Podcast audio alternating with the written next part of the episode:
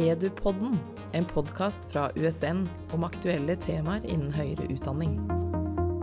Hei og velkommen til Edupodden. Jeg er Liv Lofthus, og i dag har jeg med meg Merete Morken Andersen. Hei, hei, Merete. Hei, det. Merete er eh, førsteamanuensis i faglitterær skriving her ved USN, og du er også romanforfatter og fagbokforfatter. Og det vi skal snakke om i dag, er en jeg vil si fantastisk eh, digital læringsressurs du har lagd, som heter Tidsånd. Hva mm. er eh, egentlig denne læringsressursen, eller den digitale ressursen? Det er en eh, tidslinje som består av ca. 7000 hendelser som har skjedd i en norsk kulturhistorie, eller i norsk, dansk, svensk kulturhistorie. Og den er eh, mest eh, rettet rundt tiden rundt det vi kaller det moderne gjennombruddet. Altså la oss si fra 1870 til 1900 omtrent, hvor det skjedde veldig store og interessante ting i eh, litteratur og i kunst og i samfunnsliv. En stor omveltende tid på mange måter. Så det er rett og slett en tidslinje som kan sorteres på forskjellig vis, og hvor man selv kan lage seg sin egen litteraturhistorie og kunsthistorie. Ja, hvem er denne ressursen tenkt eh, altså Når du lagde denne ressursen, hvor, hvorfor ville du gjøre det til en digital læringsressurs? Hvem er den tenkt for? Ja, I utgangspunktet så var den ikke tenkt for skolen, og det er den egentlig ikke nå. Det har vært et ganske viktig poeng for meg å lage en ressurs som både er for skolen og for helt vanlige lesere eh, der ute. Og Det er også sånn den funker. Så det er nok mer en læringsressurs som er blitt oppdaget av skolen. Dessuten er den jo ikke helt ferdig ennå. Den er ikke ferdig, eh, ferdig korrekturlest og tagget og så videre. Men utgangspunktet var at jeg skulle skrive en biografi om Amalie Skram. Og um, siden jeg ikke er uh, historiker, jeg er litteraturviter, så hadde jeg ganske store mindreverdighetskomplekser i den forstand. Så jeg tenkte oi, uh, å skrive biografi, det er jo å skrive historie. Så da må jeg sette meg inn i historikernes metode, hvordan de tenker rundt det. Og for å få oversikt over uh, hva som skjer samtidig, altså i hvilken setting er det dette foregår. Det er jo veldig viktig å forstå konteksten til et liv, f.eks. Mm. Amalie Skrams liv, så begynte jeg å lage meg en kjempeenkel tidslinje med et lite, veldig enkelt tidslinjeprogram. Det finnes mange sånne gratis der ute. Og jeg plottet inn hver gang jeg fant en kilde som det er et eller annet som foregår i, en, et brev eller en dagbok eller et eller annet og som har et tidspunkt. Det må jo ha et tidspunkt for at det skal inn på en tidslinje. Så plottet jeg det inn i dette lille tidslinjeprogrammet. Det kan minne litt om et litt avansert eh, Excel-ark. Så plottet jeg inn hva skjer, når skjer det, hvor skjer det, hva slags type hendelse er det, uh, og kilden. Så du gjorde egentlig jo... din egen arbeidsmetode til en, uh, ja. til en, læringsressurs for andre? Ja, og så gjorde jeg det veldig, veldig veldig, veldig mye. Uh, og så ble jeg jo da veldig fascinert av at tidslinjen jo ordner slik at man får et oversikt over hva skjer samtidig den gjør jo egentlig ikke annet enn at den bare legger hendelsene inn på riktig sted kronologisk. En tidslinje er jo innlysende eh, kronologisk. Mm. Men når du gjør det så mye som jeg hadde gjort, så får du jo da en fantastisk innsikt i hva de forskjellige personene driver med samtidig. Og det ble jeg så fascinert av. Eh, og så skrev jeg da denne boken som heter 'Blodet i årene'. Amalie Skram og hennes tid. Så det handler ikke bare om Amalie Skram. Jeg skjønte ganske fort at for å forstå hennes liv, så måtte jeg forstå hennes tid. Mm. Og eh, det vanlige når man skriver en biografi, det er jo å skrive det man kaller en vugge til grav-biografi. Altså man begynner ved fødsel og snakker seg, eller skriver seg gjennom livet og avslutter når livet toner ut. Mm. Mens jeg organiserte min tematisk. Eh, så jeg laget en annen type eh, organisering. Og så tenkte jeg at da kan folk bruke tidslinjen til å finne ut selv hva som skjer i hvilken rekkefølge. Så i boka så står det en liten sånn dato et sted i margen når det er et eller annet som skjer. Og så kan man da f.eks. Eh, København, juli 1889. Og så kan man da gå inn på juli 1889, og så kan man se hva skjer samtidig da. Det var eh, tanken. Men etter hvert, da og dette er, Den boka kom i, i 2018, så det er allerede lenge siden. Eh, etter hvert så ble den tidslinjen på en måte litt større enn seg selv og større enn boka. Og jeg fortsatte arbeidet med å putte inn hendelser fordi jeg underviser i litteraturhistorie. Jeg begynte å bruke den selv med mine egne studenter. Ja. Uh, og så skjer jo det underlige på nettet, at ting får sitt eget liv. Og plutselig så er det veldig mange som kommer til den som ikke aner noe om denne boka, men som sitter og søker på Arne Garborg eller Christian Krogh eller et eller annet.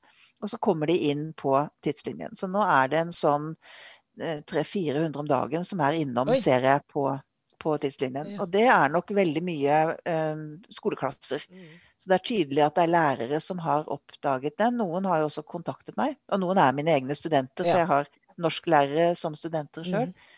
Um, og da er jeg blitt interessert i hvordan jeg kan videreutvikle og legge til rette for at dette blir en reell læringsressurs. Da. Men jeg har aldri ment at den bare skal være for skolen. Og det er et viktig poeng, dette skolske, som jeg kaller det. Som er et slags vått ullteppe som veldig ofte legges ned over informasjon som egentlig er superinteressant og viktig. Men fordi det skjer i norsktimene, fordi vi må gjøre det, og fordi det står i læreplanene, så blir det et slags ork. Og det var det orket jeg bestemte meg for å prøve å komme, på, ja, komme litt på baksiden, få lirket noen inn. Men det kan jo da, absolutt være viktig med gode læringsressurser, selv om man ikke gjør det gjennom skolen, ja. Absolutt. Så det var egentlig Det var ikke sånn at jeg satte meg ned og tenkte nå skal jeg lage en god læringsressurs for skolen. Men jeg hadde vært med å lage læreverk for eh, videregående i norskfaget, så jeg visste litt om hvordan man tenker og hva som står på pensum. Så det har nok likevel ligget litt i bakhodet. Og akkurat denne tiden da, fra 1870 og utover, det er jo da alle de fire store. Og, mm. eller, ja, det er på pensum. Ibsen og Bjørnson og Kielland og Lie og Skram og, og Munch og, og Krog osv.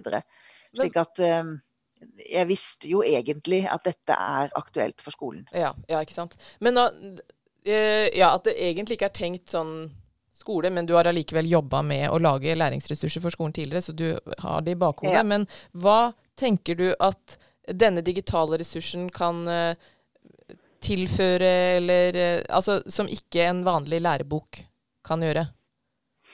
Jeg tror at eh, det er veldig knyttet til det med å kunne lete i kildene sjøl. Nå finnes det etter hvert veldig mange gode kvalitetssikrede eh, digitale kilder. Mange brev som er lagt ut, og eh, alle Ibsens brev f.eks. Og mm. knyttet til Edvard Munch. Og jeg har gjort det med Amalie Skram og Arne Garber og Kielland. Eh, og når man legger det på en tidslinje, så blir det mulig å lage seg oppdagelsesreiser sjøl i et materiale. Man kan eh, f.eks. finne ut av et tema. Jeg har tagget alle disse hendelsene som ligger på tidslinjen på tema. Så hvis mm. man er opptatt av sjøfart eller medisin eller været eller eh, skolevesenet eller uh, sinnstilstand eller skriveprosessen eller så kan man få alle hendelsene som handler om det temaet, sortert på én linje. Og det gjør det mulig å undersøke stoffet selv, uten at det er læreren som bestemmer hva man skal finne ut. Mm. For læreren har jo ikke oversikt over alle de hendelsene som eh, som ligger der. Og så kan man da klikke seg rett inn på kilden og, og finne videre selv. Det ligger f.eks. masse folketellinger og kirkebøker og den type kilder som, som er, eller kan bli, pekere inn mot en fortelling som har med et liv å gjøre. Mm. I mitt tilfelle da f.eks. Amalie Skrams liv. F.eks. så er det utgitt tre store bøker som er digitalisert, som er brevene mellom Amalie Skram og hennes danske ektemann Erik Skram. Og De begynner i 1882, for det var da de to traff hverandre på en fyllefest hos Bjørnstjerne Bjørnson på, på, Aulestad. Og de brevene har jeg lagt inn, i hvert fall veldig mange av de har jeg lagt inn på eh, tidslinjen. Og da ser man jo hvordan det private, i dette tilfellet en veldig dramatisk kjærlighetshistorie, som jo ender med at de gifter seg og skiller seg, mm. da følger man den og ser den i relasjon til andre ting som skjer samtidig. Både hva de andre kunstnerne strever med, og hva som skjer i samfunnslivet. Dette er, eh, det foregår spennende ting på Stortinget, det foregår ting i økonomien.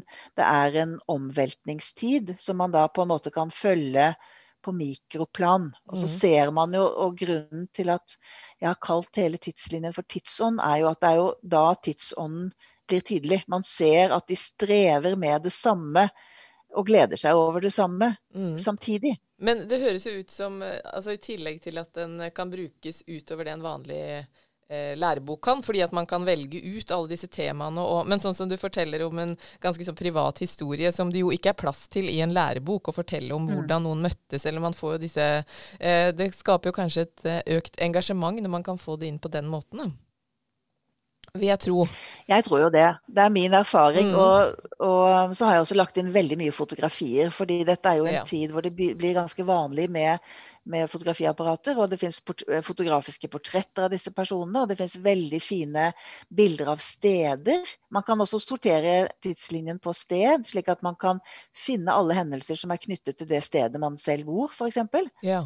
Kommer fra Hamar, så jeg kan sortere den på Hamar, så kan jeg se å ja, da var Edvard Munch der da, og Hulda Garbo vokste jo opp der i- på Hamar, og, eh, og så videre. Og så da ligger det mange fotografier, slik at man jeg tror eh, Historiske fotografier av steder og personer vekker en sånn helt spesiell form for engasjement og nysgjerrighet.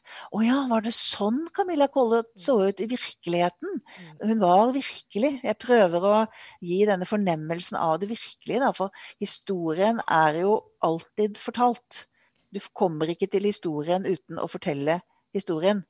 Med mindre du går inn i kildene selv. Og det er altså det jeg har prøvd å legge til rette for, da.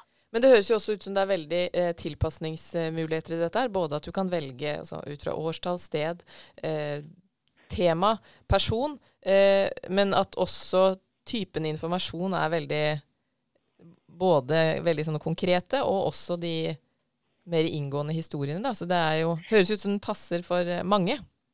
Ja, altså jeg må jo understreke at den er ikke ferdig. Det er jo bare jeg som sitter på Fyrabent eh, og gjør dette. Og det kan sammenlignes litt med en veldig intens frimerkesamler som, som får los, og som bare skal få Mer og mer og mer. finne ut av noe. Men jeg har jo veldig, og jeg er forfatter, så jeg interesserer meg for hvordan man forteller noe på en sånn måte Mm. at det gir innlevelse. Det er det derre fortellingsrommet. Eksempel, um, ja um, Camilla Collett skrev jo dagbøker, og hun var fryktelig forelsket i Welhaven. Det er noe vi lærer i norsktimene. Um, men å gå inn i en av de dagene som er der er i desember, vi er i Kirkeveien i Kristiania, og, og eh, Camilla Wergeland, som hun da het, kommer vandrende oppover på veien til et bestemt hus som vi, kan, som vi vet akkurat hvor var. Og så hører hun en bergensk stemme, en litt sånn uh, oppesen ung bergenser som står og sier noe i bakgrunnen. Da er vi inne i den hendelsen, og da blir historien om, om Camilla og Welhaven den blir levende på en annen måte, og det blir mulig å utforske den litt sånn fra innsiden. Men tror du altså Nå har du jo litt kjennskap til hvordan den brukes. Du bruker den på egne studenter. Og så har du hatt noe kontakt med noen som bruker den ute i skolen. Eh, Ja. Klarer du å formidle dette engasjementet eh, gjennom den digitale ressursen? Har du fått noe inntrykk av det? Eh, jeg vet ikke om jeg Jeg har jo ikke gjort noen eh, sånn stor undersøkelse, så, og folk er jo sikkert nokså selektive når de kontakter meg, fordi de kontakter vel ikke meg hvis de syns det var uinteressant. Og, eh, så man må vel kanskje mer se på statistikken, hvor lenge folk er innom. Jeg ser på Google Analytics, som er det jeg bruker, at de er inne ca. tre minutter i gjennomsnitt. Og da er det jo sikkert mange av de som raskt forsvinner ut igjen. Og så er det sikkert noen som blir mye lenger. Mm. Um, og hva slags opplevelse de som blir lenger har, det har jeg ikke gjort noen, noen stor studie på, så det vet jeg egentlig ikke. Så jeg er vel egentlig ikke den beste kilden på om jeg faktisk når fram. Det kan nok også hende at eh, norsklærere bruker den rent instrumentelt for sin egen eh, forberedelse til timer. Det er jo lekkert å få bare alt om Garborg inn samtidig. Jeg har jo skrevet forelesninger herfra til månen. Ja. eh, mm. gjennom at folk over bare- 7000 hendelser. Det er jo Ja. en del. Så det kan nok hende at, eh, at jeg har et litt sånn eh, eh, romantisk forhold til at folk har en sterk opplevelse. Men jeg driver jo og utvikler den nå, da, og, og da har jeg jo tanker om hvordan jeg kan lage Eh, stier gjennom dette stoffet. fordi når du presenterer så mye stoff, så Mm. er det jo en jungel som ligner veldig på den digitale jungelen der ute. Det er jo ikke noe ende på hvor mye informasjon vi kan få tak i, men det er helt klart en ende på hvor mye informasjon vi kan ta inn, Ja. og som blir levende for oss. Og Mm. jeg er jo eh, Det er jo faglitterær skriving som er mitt fag, altså formidlingssiden av det. Hvordan kan jeg få formidlet dette? Slik at det både er mulig med å tenke kritisk og kildekritisk, Mm. og sånn som man må gjøre når man jobber med historisk materiale, og, eller alt materiale i grunn, og få en erfaring av at wow, dette, er jo, dette var jo levende mennesker. Dette var jo altså den Jeg pleier å sammenligne hver av disse kildene med pikslene i et digitalt bilde. Og så blir det jo sånn at jo flere piksler du får, jo skarpere blir jo bildet, jo bedre oppløsning blir det i Mm. bildet. Men i dette tilfellet så er det jo sånn at, at når du sorterer pikslene på forskjellig vis, så blir bildet annerledes. Altså historien er ikke én tid. Historien kommer helt an på hva du lar få være med, og hva du stenger ute. Og det er det jo historikerne som har gjort. Ja. De har fortalt historien om det moderne gjennombruddet f.eks. Men når man kan sortere det selv, så kan man lage sitt eget bilde. Ja, det er det som var den fascinerende kongstanken min. Da. Det åpner seg for et bilde som Jeg har lagt inn veldig mye av små menneskers historie. mm. Amalie Skram hadde en bror som, skrev, som het Ludvig, som skrev dagbok i mange, mange år. Og hans dagbok har jeg lagt inn på tidslinjen.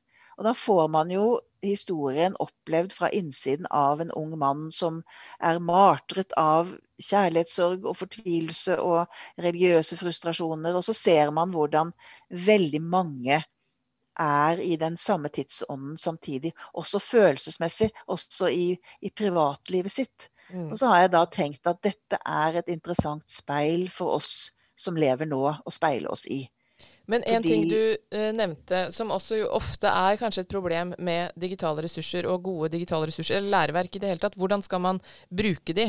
Og eh, det, tanken om at det er mange piksler der som man kan eh, skape et eh, stort bilde av, men eh, klarer brukeren det? Og det nevnte du at du skal lage en liten sånn oppskrift, på en måte, eller ikke oppskrift, men noen eh, nøkler for å gå fram i Ja. dette Jeg ser at det er nødvendig, så det er det jeg jobber med nå. Det skal ligge på, Når man går inn på Tidsson, så skal det ligge en liten, antageligvis flere, men i utgangspunktet én liten video hvor jeg forklarer hvem jeg er og hvordan jeg har tenkt. På en måte litt kortversjonen av det vi sier nå. Og så har jeg laget eh, åtte jeg kaller det stier gjennom dette digitale landskapet. Som Mm. er ting man kan undersøke selv. Som er gåter, ting som forskerne ikke vet mm. eh, spørsmål knyttet til disse personenes liv og hendelsene, som eh, alle stiller på samme, eh, eh, på samme sted, på en måte. Vi har ikke annet enn kildene. Men siden veldig mye av det som jeg har lagt inn er klikkbart, slik at man kan gå inn på kilden uh, selv, Mm. veldig mye pga. at Nasjonalbiblioteket har en fantastisk uh, digitaliseringsprosess som nå nesten er full, ferdigstilt, faktisk. Hvor veldig mange av disse bøkene ligger ute. og Man kan finne de uh, og lese de med en gang ved å klikke på en lenke. Så kan man altså finne ut av ting som fortsatt er store, åpne spørsmål. F.eks. Det fantes en forfatter som het Dagny Juel, som var veldig sentral på 1890-tallet. Venn av eh, Edvard Munch og Strindberg. Og, og hun eh, ble skutt. Hun ble drept i 1901. Og vi vet hvem som var morderen, og han tok sitt eget liv også. Så det er ikke hvem som er morderen som er spørsmålet, men hvorfor måtte hun dø? Mm. Så når man da kan sortere tidslinjen på Dagny Juel, og så kan man prøve å se ting selv. Og da kan alle bidra. Ja, og, men det er veldig fint med disse stiene. Både at, de er, at alle kan få bidra, men det blir jo også en slags eh, opplæring i hvordan man senere kan bruke Ja. tidsånd. da, At her har dere Ja. noen eh, muligheter.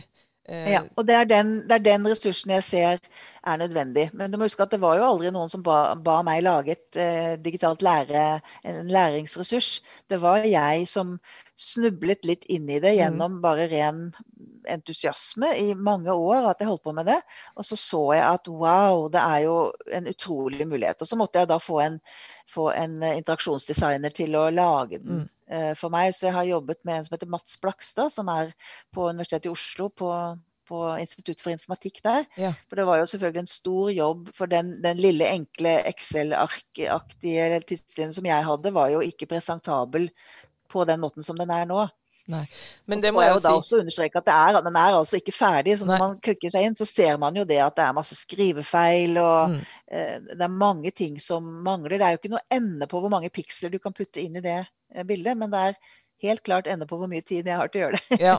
Nei, for jeg tenker jo Selv om det ikke var tanken din at det skulle være en uh, læringsressurs da du satte i gang, så uh, ut fra det jeg har sett, så tror jeg vi er mange som skal være takknemlige for at den uh, ligger åpen til å brukes som det. da. For det er jo en kjemperessurs. Men ja, jeg lurte på jeg faktisk... Jo, når du har Du sa jo at du har brukt den litt i egen undervisning med dine studenter. Ja. Hvordan bruker du den da?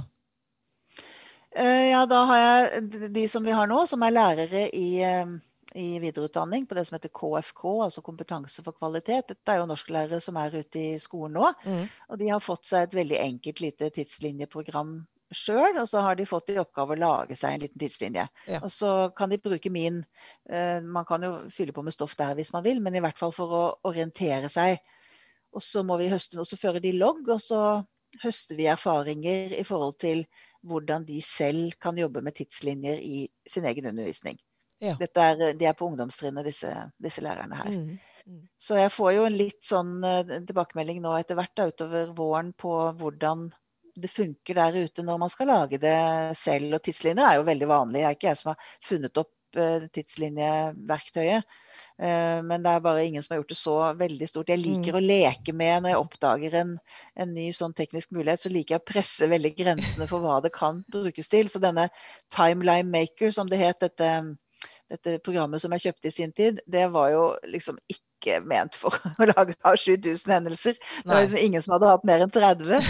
Men, eh, men det var jo ingen grunn til å stoppe der. Det, jeg fikk jo da den oversikten over hva som skjer mm. samtidig. Og nå har jeg fått en, faktisk dette semesteret så har jeg en, eh, en forskningsassistent som jeg har satt til å legge inn dagbøkene til en svensk forfatter som het Victoria Benediktsson. Og Det er veldig spennende, for hun var fryktelig forelsket i Georg Brandes, den store Georg Brandes. Mm. Og han kom til henne da i hemmelighet. Han hadde jo masse elskerinner, og hun var en av de. Og etter at han hadde holdt disse store, kjente foredragene sine ved Københavns universitet eh, om det moderne gjennombruddsmenn osv., så, videre, så kom han på besøk til henne på hotellrommet i København. Og med en gang han hadde gått, så satte hun seg ned og skrev dagboken sin. Og det har, og hun, har man? Hva sa du? Det har man tilgang til? Ja, så det legger min eh, Hun heter Gunn-Marit Uverud, hun sitter og jobber med det nå. Hun sitter og legger inn den dagboken. Og Victoria Benediktsson endte med å ta sitt eget liv. Og Det er også en sånn gåte. Hva, hvem var det egentlig som hadde skyld i det? Var det Georg Brandes skyld? Hva var det egentlig som skjedde som gjorde at et av de mest berømte selvmordene i, eh, i, i litteraturhistorien eh, skjedde? Ja. En annen er veldig spennende, er jo Hans Jæger, som var i denne ulykksalige kjærlighetsrekanten mellom Oda Krog og Christian Krog. Hvor han hadde bestemt, eller de var enige om, de tre kameratene, at de skulle beskrive dette kjærlighetsforholdet, denne kompliserte trekanten mellom dem, skulle de beskrive fra hver sin kant. De skulle skrive om det, og han gjorde det. Og så skulle alle publisere det. Det skulle bli tidenes mest realistiske virkelighetslitteratur. Men så giftet jo Oda seg med Christian, og de ble jo etter hvert nokså nervøse for hele prosjektet, så de trakk seg. Men uh, Hans Jæger gjorde jo det, og har publisert disse bøkene. Og det ligger veldig mye ute av det, som jo viser en ung manns eller en, egentlig en godt voksen manns sjelekvaler og forferdelige eh, Han hadde jo syfilis, og det eneste han ville, det var å bli kjæreste med Oda, men det var jo komplisert. Det ligner veldig på tematikk som man kan kjenne igjen i dagens virkelighet. Ikke, Ikke, så forskjellig som man skulle tro. Syfilisen er litt annerledes, men vi har jo smittefaren er jo betraktelig om dagen. Ikke sant. Men eh, det er jo en eh, fantastisk mulighet for å gå inn og bruke denne tidsånd. Den, det er tidsånd.no, der ligger den å finne, ikke sant? Ja, du kan skrive det både med Å og med to A-er. Mm. Men jeg lurer på, nå er jo altså den digitale ressursen du har lagd, det er en, eh, enorm ressurs. Eh, men eh, man kan jo lage digitale læringsressurser i litt mindre skala også. Men har du noen liksom, tips eller tanker hva man burde tenke på? Ja, siden jeg liksom har fagformidling som fag, da, så vil jeg jo si at det er eh, mulighetene for innlevelse. Ja. Det sies jo i pedagogikken at det er 'words don't teach, experience does'. Du, det er, du må gi noen en erfaring av noe. Og, og um, hvordan, man, hvordan la, gjør man noe levende? Det er all formidlings, eller i hvert fall en stor del av formidlingens uh, store spørsmål. Mm. Uh, og for meg så handler det veldig mye om å gjøre det samme som forfattere gjør. Som skape et slags et rom som man kan gå inn i og erfare noe i. Og hvor ikke det er noen som bestemmer hva du skal lære av det, men mm. du faktisk må finne ut av hva du skal lære sjøl. Samtidig som det jo må være kvalitetssikret. altså Det må være gode kilder du får å leke deg med. Mm. Og Det er det altså vår tid nå faktisk åpner for. Og Wikipedia er jo et eksempel på Det er jo mange diskusjoner rundt skal vi bruke Wikipedia eller ikke. Eh, og det fantastiske med Wikipedia er jo at man kan være med og bidra til kunnskapen. Det ser jeg jo på min tidslinje, for det ligger jo helt sikkert feil der ute. Det er jo nok at jeg har tastet et tall feil, så blir det feil mm. dato på tidslinjen. Men etter hvert som folk oppdager det, så gir de meg beskjed. Og så retter jeg det opp med en gang, og så krediterer jeg den som har rettet opp. Eller noen har Nå hadde jeg akkurat en fyr som kontaktet meg som kan mye om Kielland. Som hadde noe om Kielland som han gjerne ville inn på ja. tidslinjen. Mm. Og da kan jeg veldig raskt gjøre det. Jeg kan ikke slippe alle inn på tidslinjen på samme måten som på Wikipedia. Det har jeg ikke apparat til å, mm. til, til å kontrollere. Men uh, det blir, hver piksel blir jo riktigere etter hvert som folk oppdager feil. Mm. Og da blir det store bildet også skarpere. Men det er jo kanskje også et, eh, et ekstra ting ved ressursen, at den er interaktiv både liksom, i bruken, men også i uh, skapelsen av den. Da. At uh, ja. man kan være med og jobbe med den der også. Så. Ja, men der kom jeg, jeg hadde jo egentlig tenkt, jeg laget egentlig en stor dugnad når jeg først lanserte den på nettet, fordi det var så mye skrivefeil. Da tenkte jeg ja. hvor vanskelig kan det være? Jeg bare får masse folk til å logge seg på, og så, og så deler vi det mellom oss, og så korrekturleser vi den. Mm. Men det viste seg at det var veldig vanskelig, fordi du kommer ikke forbi at alle, alt du skriver i historien på hver enkelt piksel eller hendelse, må jo ha et språk. Ja. Og det språket er faktisk veldig viktig. Slik at de aller fleste som prøvde å være med korrekturlese, måtte backe ut. For de så at den er rett og slett veldig preget av en bestemt måte å bruke språket på. F.eks. Ja. det med frampek og tilbakeblikk. Du kan jo tenke deg når du er midt inne i en hendelse, f.eks. her kommer Camilla Collett vandrende opp Kirkeveien, og hun hører Welhaven snakke på bergensk.